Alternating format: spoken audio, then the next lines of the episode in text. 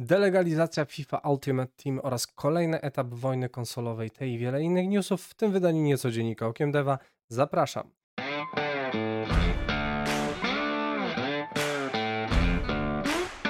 Witam serdecznie, nazywam się Grzegorz Wątroba, a to mój kanał Okiem Deva. W dzisiejszym niecodzienniku, czyli nieregularnym podsumowaniu najświeższych wiadomości ze świata gier, mamy sporo mocnych informacji, więc zaczynamy. Po pierwsze, Austria delegalizuje FIFA Ultimate Team. Sąd w Austrii ostatecznie uznał, że mechanizmy w grze e, FIFA Ultimate Team noszą znamiona hazardu i naruszają prawa tego kraju, gdyż wiele graczy w e, FIFA Ultimate Team jest nieletnich. Tym samym Sony, nie EA, jako sklep, który bezpośrednio ściągał płatności e, od graczy, musi zwrócić wszelkie środki, pomijając koszty własne względem graczy, który, którzy pozwali grę 3 lata temu. Według analityków, gracze w Austrii wydawali na karty FUTA od 800 do 85 tysięcy euro i teraz każda osoba, która wydała znaczną część pieniędzy przed pełnoletni, pełnoletnością, przepraszam, ma duże szanse wygrać w sądzie zwrot e, wydanych środków. E, Sony będzie próbowała odwołać się lub przenieść odpowiedzialność na twórców, czyli EA, ale zdecydowanie ten przypadek to e, taki światowy precedens, który skłoni właścicieli platform do zmiany podejścia względem twórców prowadzących sklepy oparte na lootboxach w swoich grach.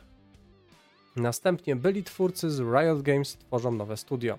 Byli twórcy e, założyli nowe studio pod nazwą Believer. Zebrali oni 55 milionów dolarów w trakcie pierwszej oferty publicznej od różnych inwestorów i będą pracowali nad grą z otwartym światem nowej generacji. W zespole mamy takie tuzy jak Michael Chow czy Steven Snow, którzy latami e, budowali sukces League of Legends, więc myślę, że minie trochę czasu, zanim zobaczymy jakiekolwiek efekty tych prac, ale jestem pewien, że z takimi funduszami i takimi nazwiskami otrzymamy coś naprawdę ciekawego za jakiś czas.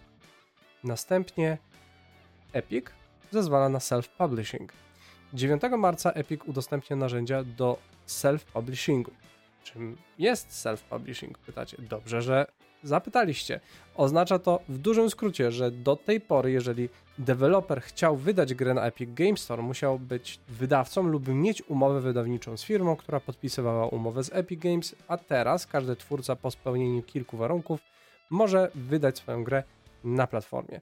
Warunki są dość proste i przypominają te e, ze Steama, czyli podstawowym jest rejestracja i opłata 100 dolarów wpisowego na tytuł, oraz uzupełnienie dokumentacji podatkowych zgodnie z prawem danego kraju i tutaj Steam również liczy 100 dolców za wejście, ale jeżeli gra zarobi 1000 dolarów, zwróci kwotę wpisową.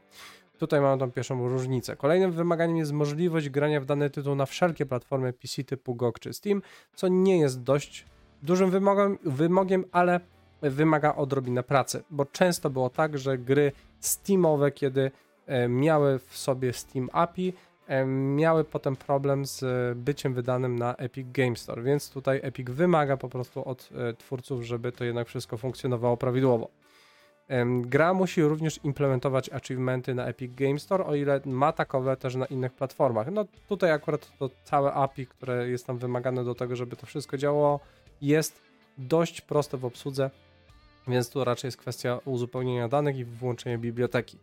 Wymagane jest również sprawdzanie dopasowania wieku do danej gry oraz spełnienie podstawowych wymagań funkcjonalnych, czyli e, brak awarii na starcie, brak utrudnienia w funkcjonowaniu. Ogółem rzecz biorąc, tytuł musi być w miarę stabilny. Tutaj kolejną różnicą jest fakt, że ostatecznie Epic może każdą grę zweryfikować ręcznie i jeżeli ta nie spełni wymagań funkcjonalnych i jakościowych, to nie przejdzie procesu weryfikacyjnego. Ponadto zabronione są gry z elementami dyskryminacji, mowy nienawiści, materiałami pornograficznymi, naruszeniami własności intelektualnych oraz potencjalnie niebezpieczne oprogramowanie, czyli malware.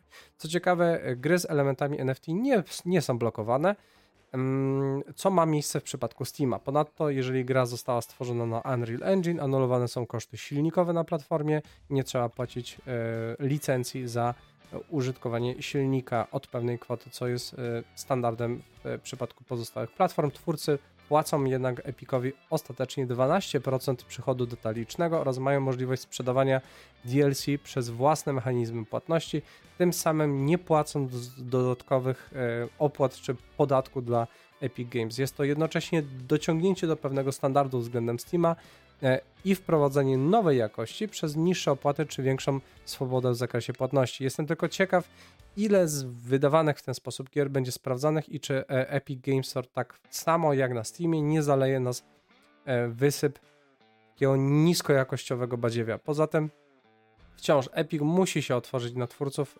gdyż co jak co, ale przez to, że Epic nie ma tych wszystkich mechanizmów polecających, e, tak jak mamy to na Steamie, tą kolejkę, tak, i to badanie tagów, no to niestety, ale um, ciężko, zwłaszcza mniejszym twórcom, właśnie zostać zauważonym tam na sklepie. E, mimo, że Epic płaci duże pieniądze za bycie w pewien sposób ekskluzywnym albo bycie pierwszym e, z wydaniem jakiejś gry, często dużo japońskich RPGów jest tam właśnie wydawanych, to wciąż mm, nie umywa się, właśnie Epic nie umywa się do Steama, jeżeli chodzi o zwiększanie zasięgów danego tytułu, więc cóż, ale no, to jest po prostu krok jak najbardziej logiczny po to, żeby jednak zyskać nowych klientów.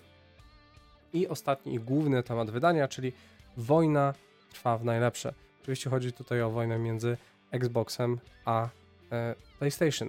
Kolejny tydzień, kolejne perpetie i Tutaj Microsoft w pierwszej kolejności podkreśla, że CMA przesadziło z liczbą graczy, które porzuciłoby platformę PlayStation na rzecz Xboxa, jeżeli Call of Duty byłoby ekskluzywem na platformę zielonych. Według ich własnej ankiety, zamiast 15%, które wstępnie podawało CMA, PlayStation straciłoby około 10% graczy, a nawet ta liczba nie jest zasadna, gdyż Microsoft nie ma zamiaru wycofywać gry z platformy niebieskich, co zieloni chcą potwierdzić umową na 10 lat lub dłużej, gwarantującą obecność gry na konkurencyjnych platformach. Co więcej, Microsoft coraz mocniej wykazuje gotowość do zastosowania się do formalnych wymagań brytyjskiego organu kontrolnego przez wszelkie umowy licencyjne. Co więcej, zapowiedział, że dodają zapis dla Sony, że jeżeli wyrażą taką zgodę, będą mogli zamieszczać gry serii Call of Duty na PlayStation Plus od momentu premiery. Ten zapis, pomijając wykazywanie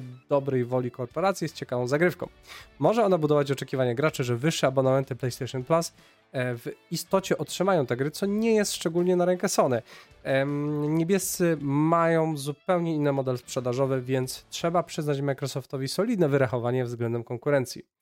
E, ponadto e, Microsoft zaznacza, że nie podniesie cen Game Passa po przejęciu spółki, tłumacząc, że zakup spółki pozwoli im na dostęp gier Activision Blizzard King z zerowym kosztem operacyjnym z jednej strony tak, z drugiej strony kto im zabroni, póki nie podpiszą odpowiedniej umowy.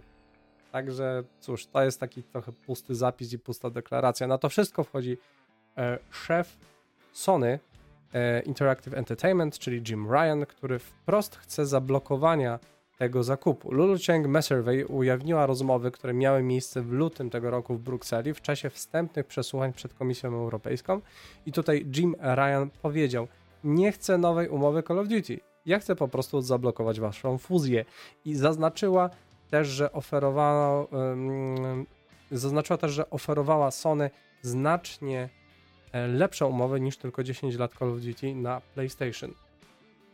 Mm, Jim wyraził zaniepokojenie, że po przejęciu Activision e, może stworzyć produkt mniej przetestowany i gorszy jakościowo na platformie niebieskich, podważając e, hasło Ryana, że PlayStation jest najlepszą platformą do Call of Duty.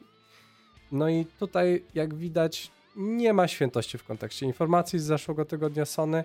E, będzie musiało wyskoczyć z dokumentów które wykażą ich hipokryzję. Teraz Microsoft zaczyna ujawniać rozmowy od kuchni. To mnie chyba najbardziej uderzyło, że mm, takie rozmowy na każdym poziomie, od twórców, przez szefów firm i wydawców, rozmowy się tego typu toczyły, toczą i będą toczyć. Teraz umową społeczną jest, że tego typu rozmów się nie ujawnia, ale Microsoft jest pod ścianą i naruszy jakiekolwiek zasady etyki, tylko by osiągnąć cel. Jak widać po wypowiedziach Ryana, mamy tutaj jawną wrogość i brak chęci negocjacji, i jestem bardzo ciekaw, co jeszcze wyjdzie na przestrzeni najbliższych y, tygodni. Tutaj y, już będzie to niedługo, gdyż po około 26 kwietnia wszystkie organy kontrolne będą musiały wydać albo swoje oficjalne, albo wstępne stanowisko, bo niektórzy już sobie teraz y, dają czas do maja.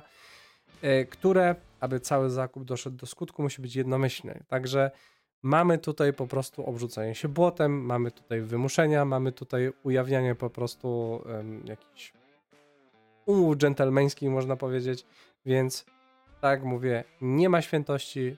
Tutaj wszystkie e, karty zostaną odkryte do końca, podejrzewam. Jestem bardzo ciekaw, e, co powiedzą e, te dokumenty, które będzie musiało Sony ujawnić już niedługo. I cóż, to wszystko w tym wydaniu niecodziennika Okiem Deva. Wszelkie artykuły źródłowe znajdziecie w opisie materiału. Moje, moje nagrania znajdziecie również na wszystkich popularnych platformach podcastowych, wpisując Okiem Deva. Będę wrzucał jeszcze kolejne nagrania w przyszłym tygodniu. E, cały czas planuję oczywiście sesję AMA, e, która będzie najpewniej w ostatnim tygodniu marca. Zapraszam Was do lajkowania, subskrybowania, udostępniania materiału dalej. Jeżeli nawet słuchacie materiałów na platformach podcastowych, to wejdźcie po prostu na filmik, e, proszę Was i dajcie tam lajka, czy, czy komentarz, czy cokolwiek, tak żeby troszeczkę napędzić ten ruch, bo jednak algorytm YouTube'a jest dość bezlitosny. E, wciąż, e, niezależnie od tego, że kilkaset osób słucha tego na platformach podcastowych, za co bardzo Wam dziękuję. Już właśnie przebiłem te magiczne liczby, powiedzmy, na YouTubie, jeżeli chodzi o o e, ruch sieciowy, także bardzo Wam wszystkim dziękuję za zaufanie, bardzo dziękuję za to, że jesteście aktywni, że zadajecie pytania, że e, nie zgadzacie się z niektórymi rzeczami, co bardzo cenię. Mam nadzieję, że zostanie tak dalej. E, tak więc pozostaje mi teraz tylko życzyć Wam solidnej dawki popkulturowej, miłego dnia, miłego wieczoru i spojrzenia na gry okiem Deva.